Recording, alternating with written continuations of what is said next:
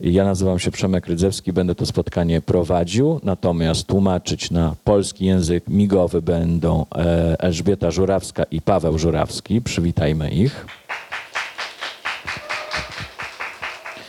Zapis spotkania w wersji audio będzie dostępny na profilu Gojki 3 na Spotify, zapis wideo na profilu Gojki 3 na YouTubie. Także że to spotkanie można oglądać sobie w nieskończoność, e, gdy tylko zostanie e, zamieszczone, do czego już Państwa zachęcam.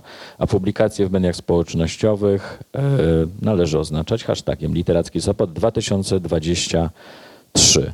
No i oczywiście przywitajmy Aleksandrę Tarnowską, autorkę w niebogłosu. Wspaniałego debiutu, o czym pewnie Państwo się już przekonali, a jeśli nie, to, e, to trzeba to koniecznie zrobić. No i właśnie na początek chyba Cię nie zapytam, e, o czym jest Twoja książka, bo nie lubisz tego pytania, ale trochę chciałbym Cię zapytać o to, dlaczego ją napisałaś.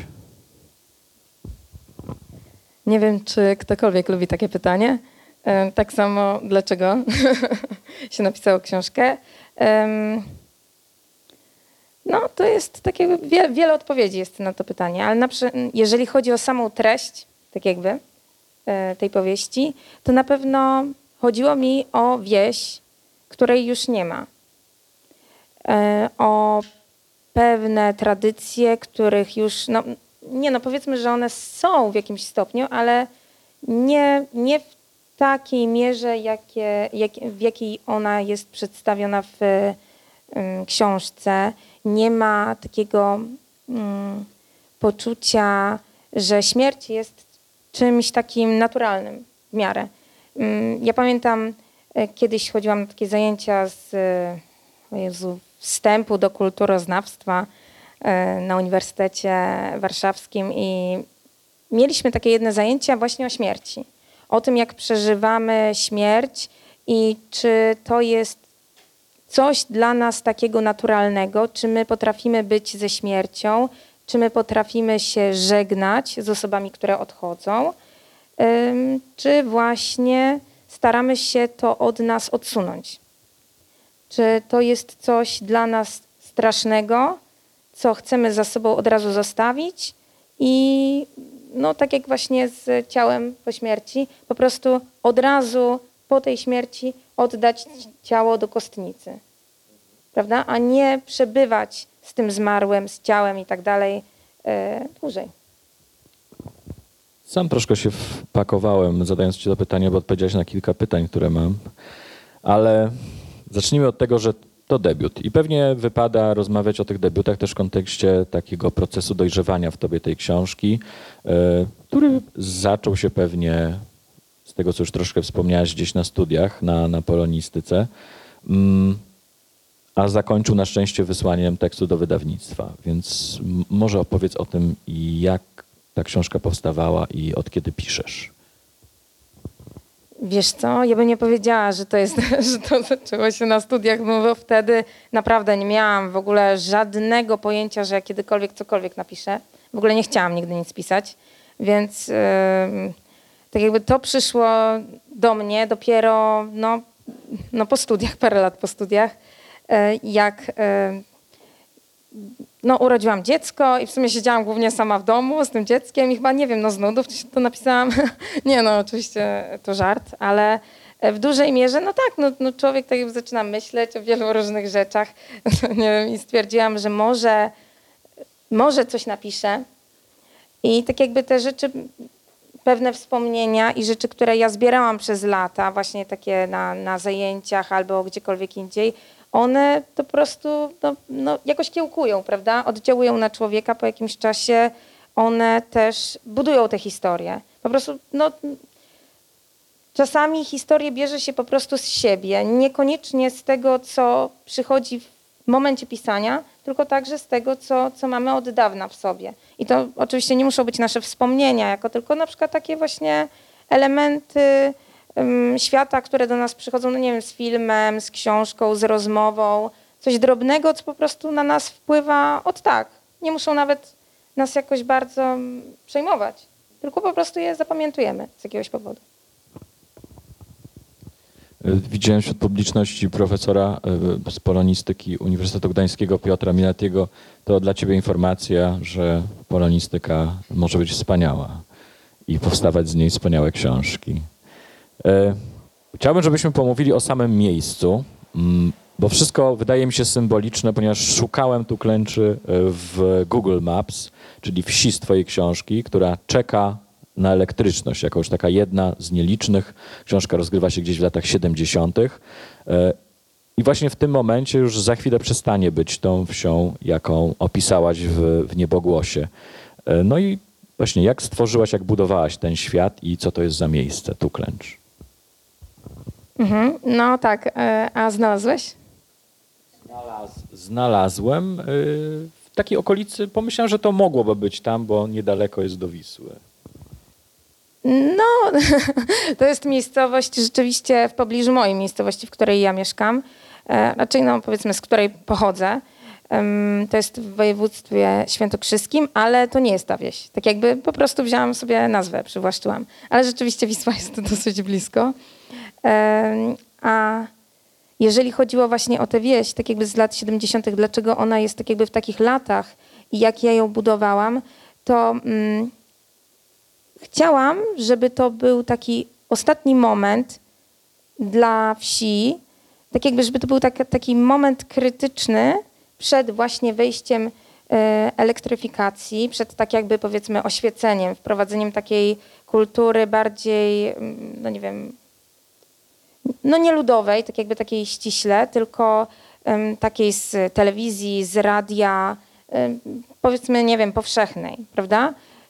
I która w jakimś tam stopniu y, odbiera tak jakby tę kulturę rodzimą tej, tej, tej wsi, samej tej wsi.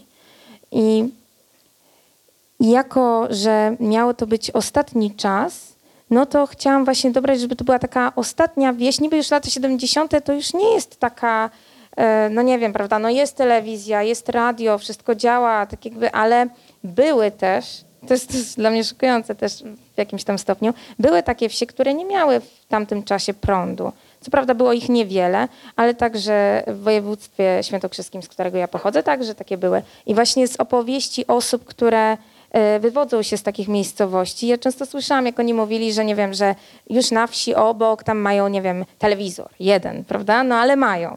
A oni nic i się z nich śmieją, prawda, że oni tacy zamknięci, że nic nie mają, nie wiedzą nawet, jak wygląda, y, no nie wiem, właśnie telewizor i cokolwiek. Więc no, wydawało mi się, że to jest ten moment graniczny nie tylko dla samej tej wsi, ale także właśnie dla tych tradycji ludowych, które mm, po prostu zaczynają odchodzić. A samo budowanie tego świata to właśnie były jakieś historie, które były zasłyszane? Skąd czerpałaś taką wiedzę, żeby stworzyć y, no, tak prawdziwy obraz, o czym jeszcze za chwilę porozmawiamy?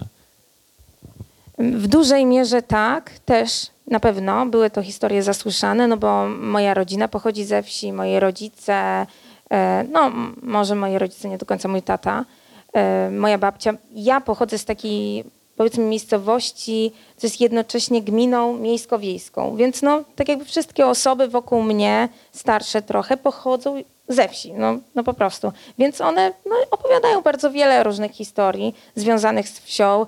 No wiele jeszcze bym chciała umieścić w tej książce, no ale nie pasowały mi na przykład do treści. Ale też wiele z tego, co napisałam, pochodzi z, po prostu z innych książek, na przykład z esejów e, Mariana Pilota, e, Matecznik, z, po prostu z różnych powieści takich z nurtu wiejskiego, z nurtu więc no, e, chłopskiego, tego słowa, e, tego słowa szukałam.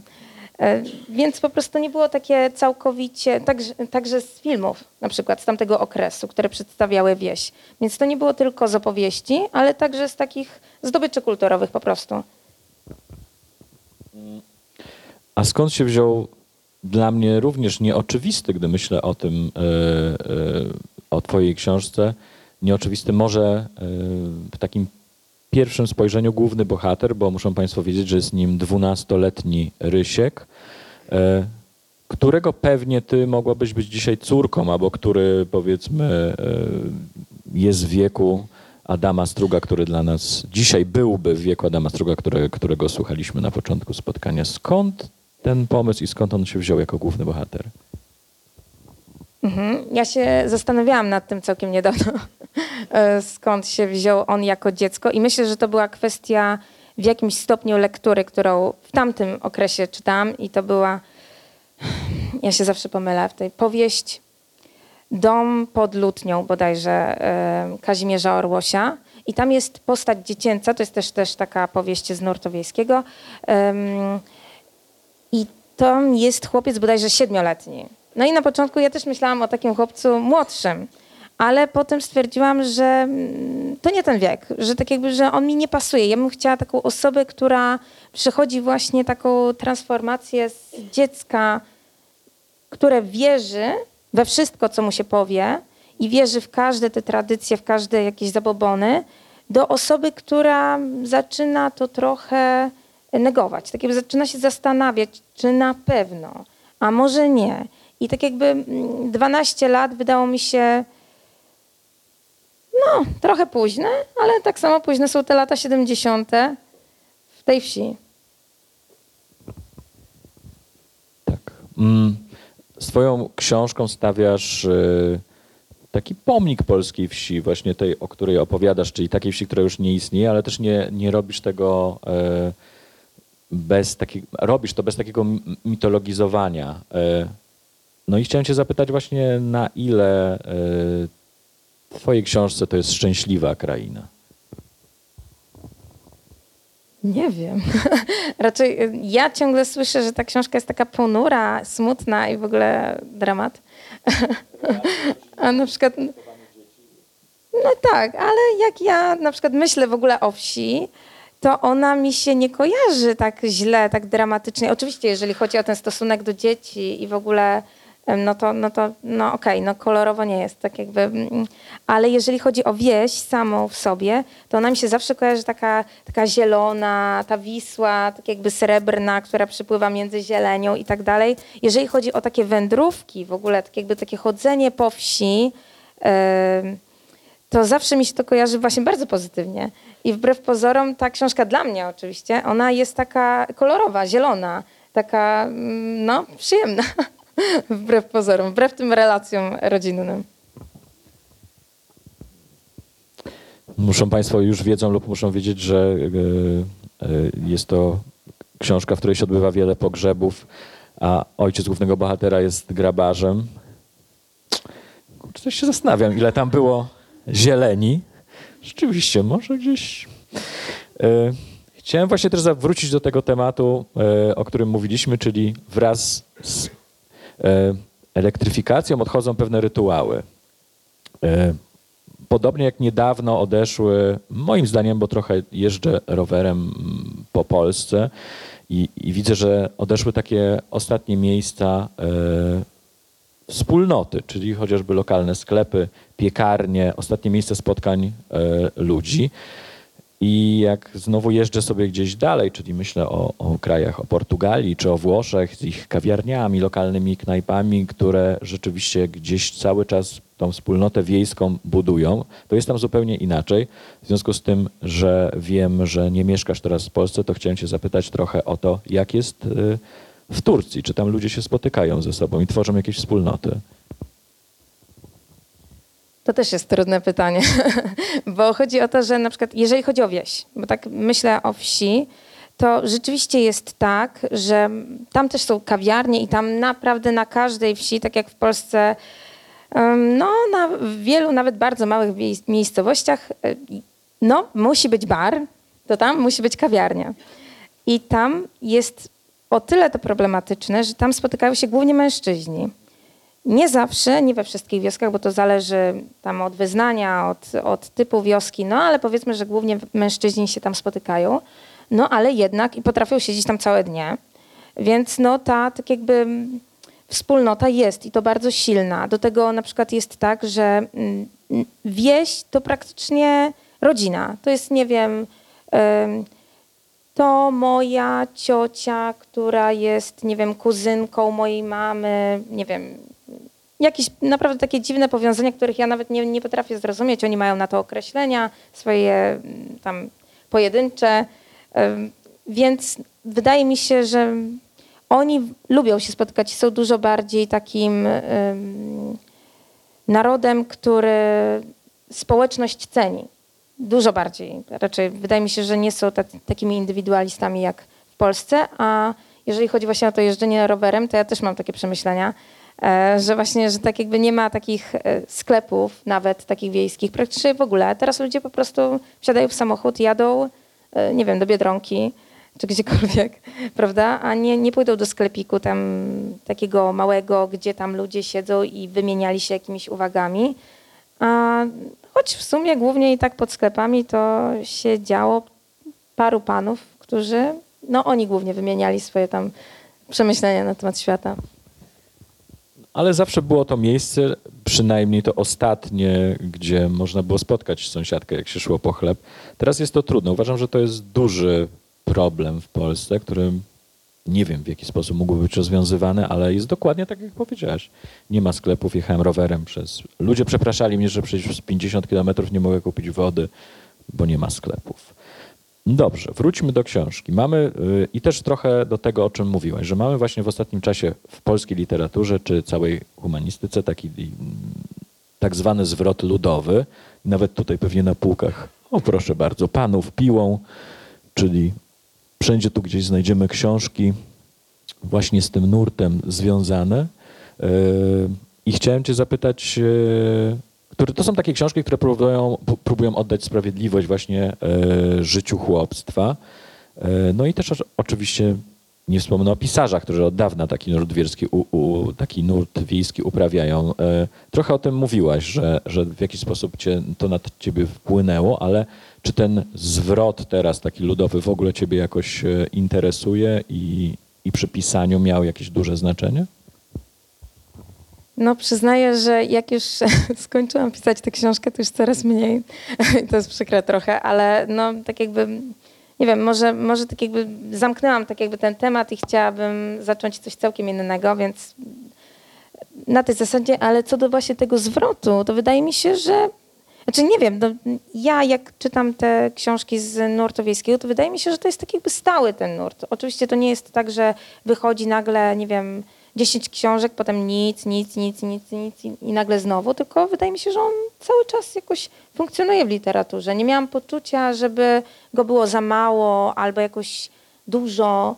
Po prostu wydawało mi się, że on po prostu cały czas funkcjonuje. Widocznie jest to coś, co, co interesuje ludzi mimo wszystko. Ale jednak ten zwrot w ostatnim czasie właśnie nie polegał na pisaniu powieści, tylko bardziej dokumentowaniu i oddawaniu takiej czystej sprawiedliwości. No chociażby książka Panów Piłą, która właśnie opowiadała o Jakubie Szeli.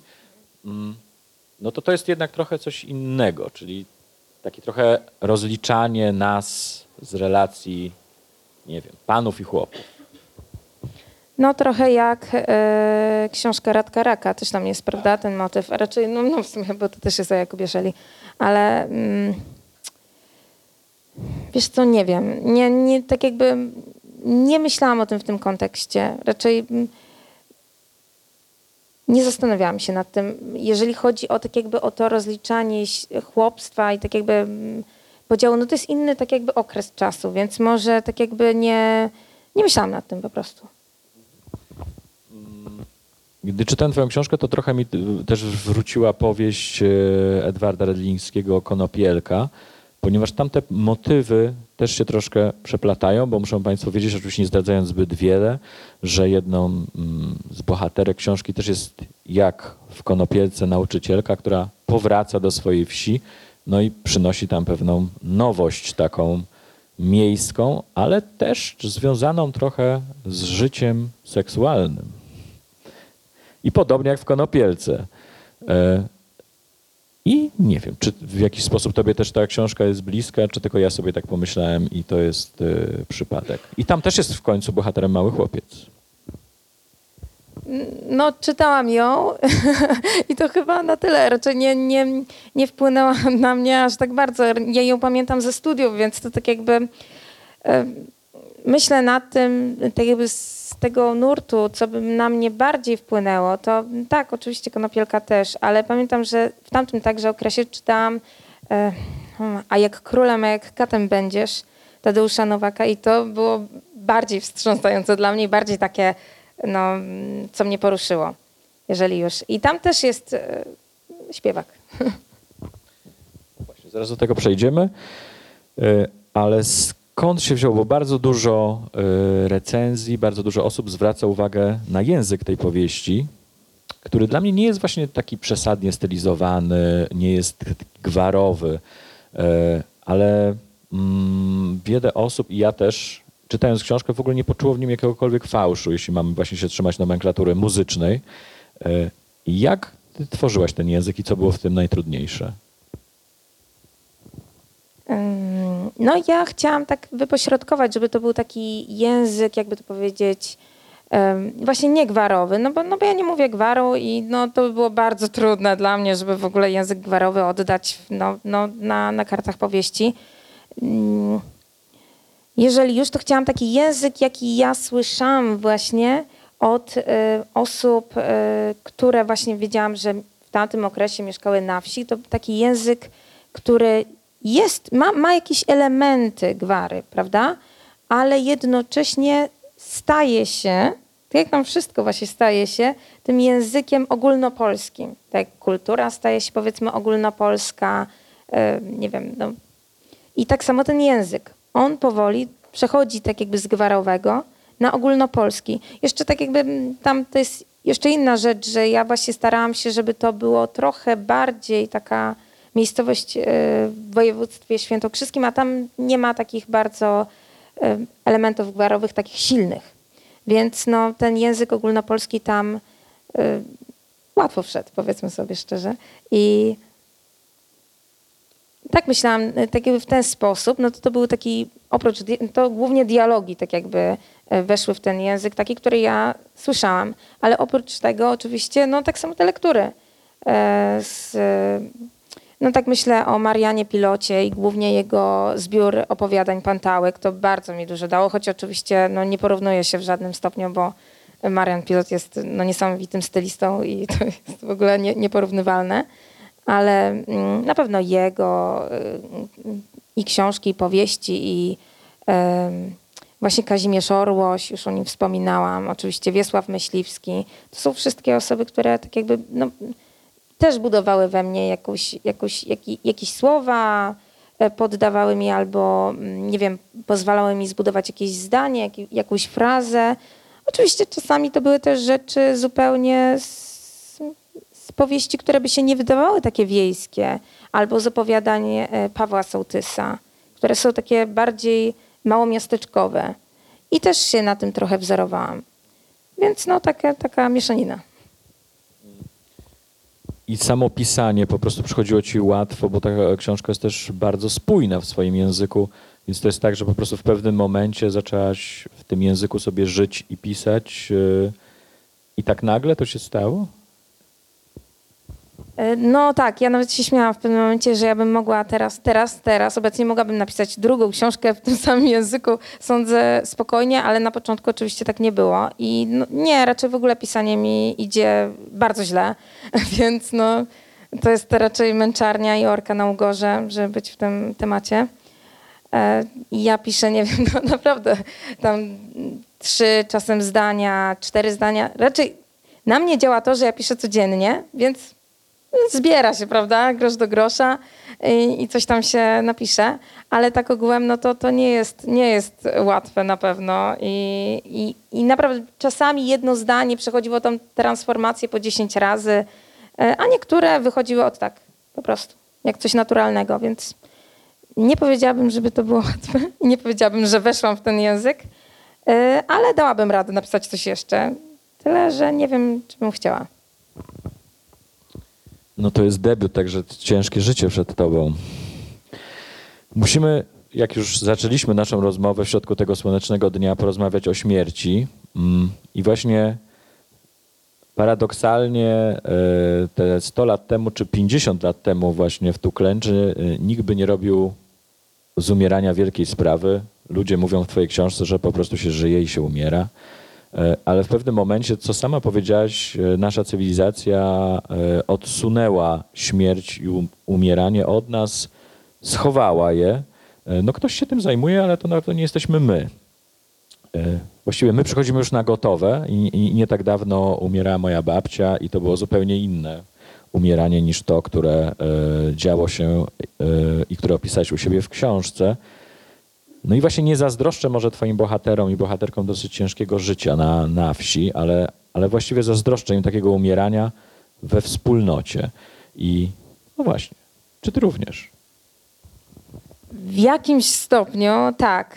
E, Wydaje mi się, że to są bardzo różne sytuacje. No, moja mama jest e, lekarzem i ona e, jeździ prawda, w pogotowiu i ona mi opowiadała też wiele różnych takich sytuacji, że czasami prawda, umiera osoba i ta rodzina no, naprawdę chciałaby być z tą, z tą osobą zmarłą, z tym ciałem, po prostu poprzebywać trochę, ale e, no, to jest zabronione prawnie w Polsce. Nie można sobie zostawić ciała na trzy dni w domu, prawda? Jeżeli jest możliwość oddania tam ciała do kostnicy, do, do domu pogrzebowego, no to po prostu trzeba to zrobić.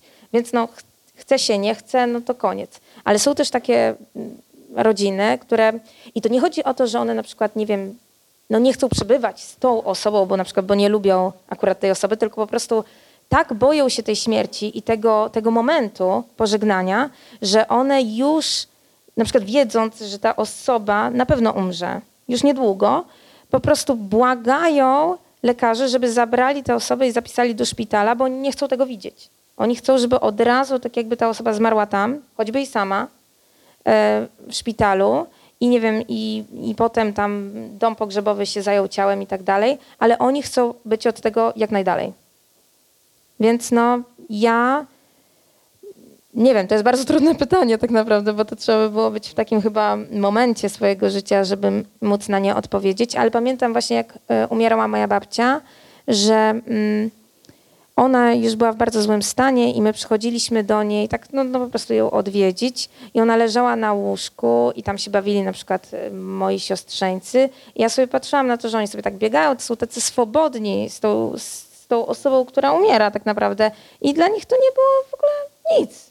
I to było fajne, tak jakby fajne było to, że ona mogła zostać do końca tak w rodzinie. Nie, nie, nie odsuwało się tego momentu, prawda? A znasz y, takie pogrzeby i takie rytuały y, z jakichś własnych doświadczeń, czy doświadczeń twoich bliskich, które opisałeś w książce? No bo też, no właściwie dlaczego je opisałaś? Nie znam. Ale e, dlaczego ja pisałam? Nie wiem, tak mi pasowało. Jak zaczęłam pisać, no to mm, jakoś trafiłam w tym momencie po prostu dosłownie przez przypadek na takie, na pieśni pogrzebowe, między innymi właśnie na rekwiem ludowe e, kwadrafoniku i Adama Struga, to jest ta płyta akurat ich. I tam są, no przepiękne są te pieśni pogrzebowe. I to był taki właśnie okres tej śmierci mojej babci właśnie. I pamiętam, że tam był taki, taki no to jest właśnie to odejście, że jej syn bardzo chciał, żeby to ciało było w domu, żeby ludzie mogli pożegnać y, moją babcię i tak dalej, no ale właśnie to było zabronione, no i to ciało zostało zabrane. Więc to tak jakby może ten moment i jeszcze właśnie to, że y, opowiadano mi na przykład, że na pogrzebie, ja nie mogłam być na pogrzebie, że na pogrzebie y, była jakaś grupa właśnie śpiewaczek, które śpiewały te pieśni pogrzebowe. Ja ich nie słyszałam, ale właśnie tak jakby, nie wiem, może właśnie z tej takiej potrzeby pożegnania, którego ja nie mogłam mieć, tak jakby no, zaczęłam sobie czegoś szukać, tam e, słuchać tych pieśni albo właśnie patrzeć na tekst, bo one są bardzo ciekawe niektóre i tak jakby to we mnie kiełkowało, niekoniecznie w tę stronę tak jakby samych pieśni, tylko w ogóle w stronę tej powieści i historii. A te inne etnograficzne elementy, czy właśnie skąd czerpałaś taką wiedzę e, o tych rytuałach? Bo mamy tam różne rytuały, na przykład szykowania wieńców, e, ale nawet takiej kuchni wiejskiej i pokazywania tego no, w sposób bardzo no, taki, że czujesz, że tam jesteś. S- Jak ci się udało właśnie tą wiedzę zebrać taką, no, można ją chyba nazwać spokojnie etnograficzną? No, czytałam różne rzeczy. po prostu, no, e, szukałam artykułów na ten temat konkretnie. No, o śmierci jest dużo. Powiem tak, o śmierci jest dużo trudniej jest na przykład właśnie z takimi, z takimi prostymi elementami. Właśnie z kuchnią, jak wyglądała, nie wiem, właśnie jak wyglądały takie umywalnie, ale co jest ciekawe, na przykład teraz e, w skansenach są już domy z, latach, z lat 60. Więc no, mogę sobie tak powiedzieć, że no najprawdopodobniej w latach 70. mógł być już dom, który był w latach 60., prawda? No nie wiem, wydaje mi się, że raczej go nie wyburzyli od razu, jak przyszły lata 70. Plus na przykład dom e, moich dziadków, on został wybudowany tuż przed latami 70. i on wygląda do dziś praktycznie tak jak wtedy.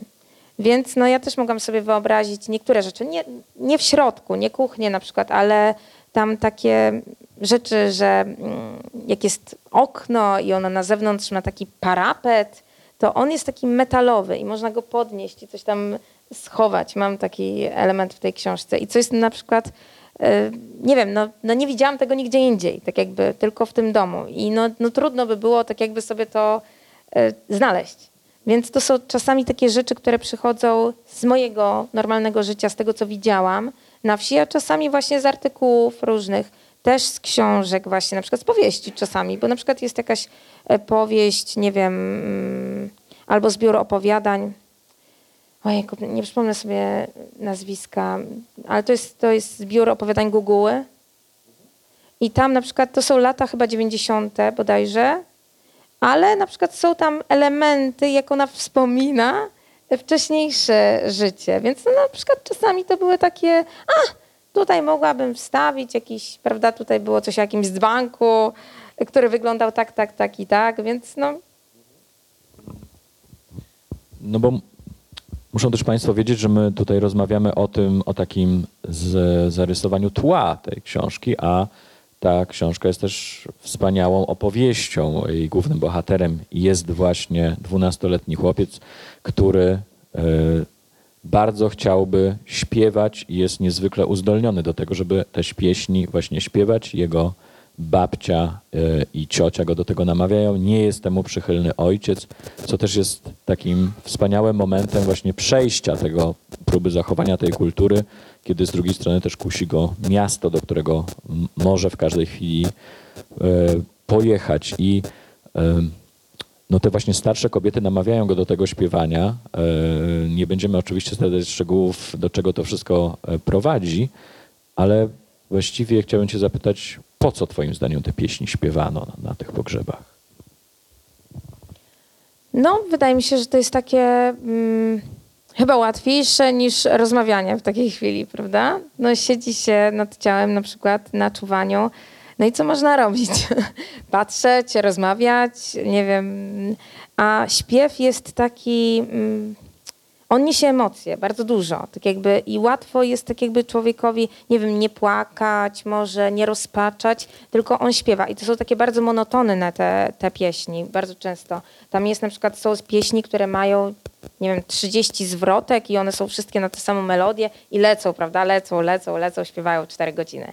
To jedną pieśń, prawda? Tylko no, trzeba mieć zeszyt z pieśniami, żeby zapamiętać tekst, no bo wątpię, żeby ktoś tak z pamięci dał radę. Chociaż nie wiem. Ale to jest jakiś taka, też czasami się mówi, że y, pieśni to są modlitwy. Jeżeli ktoś jest bardzo wierzący, no to on też może myśleć, że to jest taka modlitwa, że to jest coś, co go uspokaja. W ogóle, pie, w ogóle mm, melodie, tak samo jak są jakieś, nie wiem, takie medytacje, to przy takich melodiach powtarzających się, wydaje mi się, że to zaczyna być coraz bardziej takie spokojne, coraz bardziej takie rzeczywiście, nie wiem, wydaje mi się, że łatwiej się tak pogodzić z czymś i dojść do takiego etapu e, neutralnego. Przeczytam Państwu fragment książki. Został im już tylko dom babci. Rysiek wyszedł na czoło grupy kolędników. W jego uczernionej twarzy błyskały zęby w nieujarzmionej radości. Jeszcze chwila, jeszcze moment. Rysiek wpadnie przez drzwi, zaskoczy ojca, babcię. Pokiwa na nich tępą kosą. Niby i ojciec i babcia wiedzieli, że Rysiek przyjdzie, ale śmierci to się na pewno nie spodziewali, a już na pewno nie takiej z harmonią. Pomacał w kieszeni owinięty białą chustką kawałek ciasta z makiem, którym gospodarze poczęstowali kolędników w jednym z pierwszych odwiedzanych domów. Rysiek nie mógł go tak po prostu zjeść. Po kolędowaniu miał zostać jeszcze u babci na kolacji i potem dopiero wyjąć zawiniątko z kieszeni płaszcza. Pójdzie przed dom, pod drzewo, gdzie zawsze zbierał morwy dla mamy, położy białą chustkę na ziemi, rozwinie rogi, żeby roztopiony cukier zamigotał w świetle księżyca. Tak samo jak kiedyś błyszczał w świetle dziadziusiowej lampy. Wyszli wtedy na podwórtko z resztkami postnej kolacji, Rysiek i dziadziuś. Płomień lampy odbijał się od zmrożonego błota, błyskał w metalowym wiadrze z jedzeniem. Dziadziuś przystawał przy każdej ścianie domu, deptywał wielkim buciorem rozmiękły śnieg i rozkładał gazetę i na nią wysypywał z wiadra część zebranych resztek. Jak Państwo słyszą, jest to bardzo radosna i zielona wieś w klimacie bardzo przyjaznym. E, Chodzi tutaj oczywiście o taki element e, karmienia i próby porozumienia się ze zmarłymi. I to są takie opowieści trochę niesamowite w Twojej książce, których jest dużo i które bardzo e, mi się podobały i, i też dlatego, że mój dziadek pochodził dokładnie z takiej samej wsi. Był taką osobą, która została z domu wybrana do tego, żeby przyjechać do miasta i mm, dokonać tak zwanego awansu społecznego i, i przyjechał właśnie pewnego dnia do Gdańska, gdzie studiował na Politechnice, ale też raczył mnie takimi opowieściami, jak byłem dzieckiem, że ktoś umarł, wracał do domu, było mu niewygodnie w trumnie. Wtedy moja prababcia niosła tam na cmentarz poduszkę tej osoby i wtedy przestawał nawiedzać ten dom. No i chciałem cię zapytać, czy ty też miałeś właśnie takiego swojego przewodnika, który takie historie ci opowiadał? To jest smutne, ale znowu muszę odpowiedzieć to samo. Nie, nie miałam, ale uważam też, że te historie są fascynujące. I y, no, przyznaję, ja szukałam często takich historii, nawet na takich dziwnych, raczej w takich dziwnych miejscach, jak jakieś fora, naprawdę kafeteria.pl, czy inne takie rzeczy, bo naprawdę ludzie potrafią wciąż y, opowiadać bardzo, bardzo fascynujące historie właśnie y, o, o o powrocie, tak jakby tych, tych osób, nie wiem, właśnie babci, że nie wiem, ktoś skrobał w ścianę i to na pewno babcia skrobie w tę trumnę, czy coś takiego. Jakieś takie naprawdę bardzo interesujące rzeczy, więc no, e, niektóre są e, fascynujące. Te historie niestety właśnie nie, nie miałam takiej osoby, która by mi opowiadała takie może i dobrze, bo ja bym się chyba raczej bardzo bała tego. No ja też się bałem, ale mój dziadek um, trochę chyba miał duży ubaw z tego. E, Oddaję troszkę Państwu głos. E, Jeśli chcielibyście się podzielić jakąś swoją niesamowitą historią, a przede wszystkim zapytać o coś w tym e, takim jasnym dniu, a jednocześnie trochę grobowym, to bardzo zachęcam. Proszę bardzo. Chyba tak, żebyśmy pewnie. Ale nie wiem, czy będzie wtedy słychać. Nie będzie. To musi pani. Podzielę się historią, jeszcze nie przeczytam, ale przeczytam, obiecuję. Ja mieszkam od wielu lat w Warszawie, ale pochodzę z pogranicza białoruskiego, z rodziny mieszanej, która jest ze stron, która jest bardzo głośna, chociaż miał być cicho i spokojnie, a teraz nie jest, jak wiecie Państwo. I pamiętam pogrzeb mojej babci właśnie na takiej wsi podlaskiej, białoruskiej, której jeszcze jakby miałam okazję uczestniczyć w tym, w tym. I to był rytuał tak naprawdę, to znaczy babcia leżała przez całą noc Później zresztą tak jak dziadek w domu, czuwaliśmy, to było czuwanie tak zwane. Też jest nieprawosławne, to też jest rytuał związany z religią, ale on był też w rodzinach katolickich.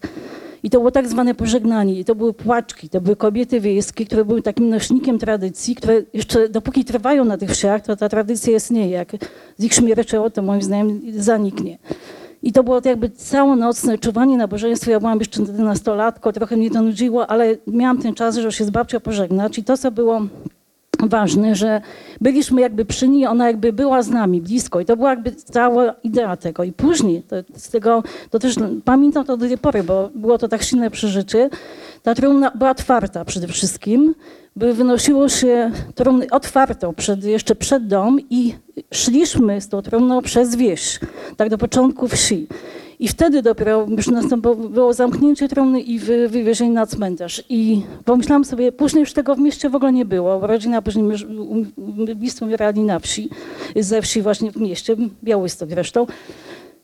I pomyślałam sobie, że właśnie to jest właśnie to, co odchodzi, to właśnie to, co było u Myśliwskiego, to, co było u Nowaka, to, co było, stworzyło tak zwany rytuał, tę mitologię chłopską, yy, której moim zdaniem nie ma obecnie na wsi, która zanika właśnie z tym pokoleniem starszych kobiet. I tu chciałam jeszcze powiedzieć o takiej książce, która się niedawno ukazała, Angeliki Kuźniak, Soroczka się nazywa ta książka. Angelika, znakomita zresztą pisarka, dziennikarka, yy, przeprowadziła wywiady z ludźmi właśnie z tych moich stron wschodnich, y, starszymi, którzy przygotowują się na śmierć. Jak to wygląda? Ci ludzie, i moja mama jest z tego pokolenia, przygotowują jakby ubranie na śmierć. I to nie o to chodzi. Moja mama ma to ubranie. Mnie to wkurzało do niedawna, bo mówię, nie mów mi o tym, bo ksoty. Ale teraz jakby zupełnie inaczej na to patrzę, bo ona ma spakowane buty, bluzka, sukienka w kolorze fuksji, bo taki sobie wybrała, nie czarna. Yy, Powiedziała już, jak mamy ją ubrać. I, a teraz myślę, że w tym jest głęboka taka mądrość, przygotowanie, oswojenie te, tego odejścia. I, I to się staje czymś takim naturalnym. Coś, co zanikło moim zdaniem w takiej kulturze współczesnej, zma- umieramy w szpitalach, nie ma tego czasu na pożegnanie i trochę takie rzeczy. Odchodzimy, bo są niewygodne i nie ma. I, I tego bardzo żałuję. I to jest moim zdaniem związane z tą kulturą wiejską, która moim zdaniem no niestety kończy się, zanika. Jest tylko otoczenie, nie mówię, ale po prostu nie ma już tego całego rytuału, nie ma tej, tej głębokiej jakiejś treści w tym wszystkim. Te książki, jakie powstają, które do tego nurtu chłopskiego nawiązują, one odgrzebują to, bo, ale moim zdaniem współcześnie już niestety na wsi tego nie ma. To tylko tyle. Dziękujemy. Czy ktoś y, jeszcze chciałby o coś zapytać? Proszę bardzo. E, Ja podobnie jak tutaj Przemek e, jeżdżę na rowerze po polskiej prowincji. E, Trwa to już od ponad 30 lat. I e, początkowe doświadczenia było, były takie, że to było tak jak pojechać gdzieś za granicę. Że to był kompletnie inny świat, jeśli, chodzi o wygląd tych miejsc, ludzi, w co się ubierali, jak mówili. E, No i to zanikało powoli. Faktycznie w tej chwili, jak jeżdżę gdzieś tam do takich no, naj, najbardziej odległych zakątków, okazuje się, że właściwie ten świat wygląda tak samo. Że nie jestem w stanie jakby rozróżnić między ludźmi z miasta, z wyglądu przynajmniej, a tymi właśnie ze wsi. Oni tak samo się ubierają, e, no, to samo oglądają w ogóle. I teraz jest no, to, do- czego nie miałem nigdy dostępu, to do mentalności tych ludzi i właśnie panią o to chciałem zapytać która jest tu jakby jednym, jedną nogą w- mieście, w drugą była pani e, na wsi i zna pani może lepiej ten temat. Czy właśnie wraz z tą zmianą taką materialną e, zaszły jakieś faktycznie bardzo istotne zmiany też mentalności współczesnej wsi?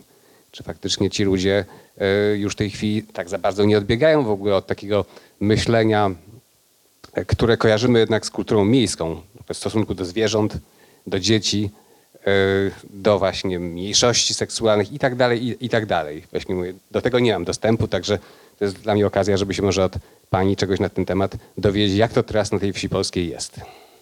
No, tak jak ja ciągle to mówię, to jest trudne pytanie, bo to tak naprawdę wieś, wsi nierówna i tak samo te małe miasteczka tak samo. Też chyba zależy od rodziny w dużej mierze, no prawda, jaki kto ma tak jakby dostęp też do, do dużego miasta, tak jakby stały. Ale mm, jest coś w tym, że na pewno jest trochę inaczej niż w mieście, w jakimś stopniu. Na pewno ten stosunek do zwierząt e, jest inny. Oczywiście to się zmienia i coraz bardziej jest to taka właśnie ogólnopolska, prawda? Polska jednolita, ale mm, jak myślę o tym, że na przykład mój tata, który no, no nie jest, prawda, no jakiś no nie wiem, ma 60 lat, nie jest staruszkiem, prawda, który nigdy miasta nie widział i tak dalej, studiował w Krakowie i tak dalej, ale na przykład z psem na smyczy nie wyjdzie. Nie ma szans na to, bo dla niego to już by było, no, no nie wiem, ktoś go zobaczy z tym psem na smyczy. No, no nie, nie, nie. I tak samo jest wiele osób, które właśnie o, na przykład no nie, nie wejdą z psem gdzieś tam, albo uważają, że jak e, zwierzę to tylko na zewnątrz. A, a już w ogóle, jeżeli chodzi o kwestie dzieci, to też jest bardzo różnie. Jest, jest tak, że na przykład na wsi jest wiele osób, które wyjechały z miasta i uciekły, też ze względu czasami na dzieci. Więc no, tak jakby to się zderza cały czas. Tak jakby, ale no, jest coś takiego, że mówi się, że na wsi, w przedszkolach dzieci są spokojniejsze. Albo w szkołach są dzieci spokojniejsze, no bo się boją. A raczej no boją się na zasadzie, że no nie wiem, że są bardziej karane, nie wiem, surowsi są rodzice dla nich. Nie wiem, nie wiem, nie wiem, czy to jest prawda. No, jest takie powiedzenie, tak się mówi, ale czy to tak naprawdę jest? Nie potrafię tego powiedzieć. Gdy Państwo mieliby jakiekolwiek wątpliwości, a nie należy ich mieć, czy książkę sobie nabyć i przeczytać, to wystarczy wpisać i, wyskakują jakiekolwiek e, pierwsze z brzegu recenzje, czyli chociażby e, Rzepa pisze. Niebogłos 33-letniej Aleksandry Tarnowskiej to powieść w zasadzie bez wad. Opowiada o rytuałach na polskiej wsi lat 70., ale też konsekwencjach ich zaniedbania. Trudno w ogóle uwierzyć, że to debiut. Chciałem Cię zapytać, już zmierzając do końca naszego spotkania, na ile jesteś w ogóle zaskoczona odbiorem tej książki? E, No w ogóle jak to się robi, że się debiutuje w takim stylu? No, ja jestem trochę y, zniesmaczona. raczej nie, na tej zasadzie, że ja się nastawiałam, że raczej on przejdzie tak trochę bokiem. I ja będę mogła sobie dalej pisać, co tam chcę i będę miała w miarę spokój, prawda, w swoim życiu. No, a teraz trochę mnie to, powiem szczerze, zestresowało. No bo jeżeli no, słyszę, prawda, że, no, że super i tak dalej, wspaniale, no to i czekam na drugą książkę, no to nie, nie wiem, czy ta osoba się doczeka o, na tej zasadzie, więc no to jest takie no trochę stresujące. To jest wspaniałe, nie spodziewałam się tego. Em, spodziewałam się, że komuś może się spodobać, no bo to jest taki temat, e, no wieś, no nie wiem, nurt wiejski w ogóle jest taki malowniczy, nie wiem, no dużo osób go lubi, po prostu. E, jeszcze tam jest śmierć, ktoś tam umiera, no to nie wiem, może będzie wzruszające, ale ogółem, no nie wiem, no nie spodziewałam się aż tak dobrego odbioru. No dobrze, to sama wyciągnęłaś ten temat. Y, Jakie są plany na Twoją przyszłość literacką? Niepewne, niepewne, na pewno, nie wiem, nie wiem. Coś piszę, ale tak, ja to już wielokrot, wielokrotnie mówiłam, nie wiem, co z tego będzie, czy coś będzie w ogóle. Staram się znaleźć e, tak jakby inny język, który by mi poniósł jakąś ciekawą historię. O. Nie chciałabym pisać na przykład czegoś w nurcie wiejskim znowu, bo, bo, bo nie, po prostu. Ale chciałabym, szukam, szukam takiego swojego języka innego, też ciekawego, który właśnie poddałby mi coś, co mnie będzie bawić, bo przyznaję, że tak jakby jak już oczywiście tam wymęczyłam się i ucierpiałam pisząc to, to jak potem sobie czytałam jakieś zdanie, które mi się podobało, bo nie wszystkie mi się podobają oczywiście, no to bardzo dobrze się przy tym bawiłam, prawda? No takie oho, ho, no fajnie. no, czegoś takiego szukam. Tego wszyscy Ci życzymy. Ja Państwu bardzo polecam książkę, która jest wspaniałą, mistyczną opowieścią o wielu znaczeniach. Czasami te rozmowy nie oddają tego, jak dobre są to książki. E, Mam nadzieję, że nasza chociaż w dużej części to oddała, chociaż nie mówiliśmy o muzyce i o całej historii, którą tutaj opowiadacz, a raczej o tym, co ją otacza, ale mam nadzieję, że Państwa zachęciliśmy do tego, żeby książkę nabyć, a Aleksandra Tarnowska z pewnością te książki podpisze Państwu. Mm, Na koniec jeszcze podziękujmy tłumaczom na język polski migowy, czyli Elżbiecie Żurawskiej i Pawłowi Żurawskiemu. No i oczywiście dziękuję Ci bardzo za rozmowę i wielkie oklaski i wielkie powodzenia. Aha, no i za, za, zachęcamy do słuchania rekwiem ludowego e, Adama Struga i kwadrofoniku, który dzisiaj chwilowo nam zabrzmiał. Mamy nadzieję, że Ci się podobało. Poleć nas znajomym. Oceń w serwisach streamingowych. Twoja opinia jest dla nas ważna. Dzięki niej możemy się rozwijać i tworzyć kolejne materiały audialne.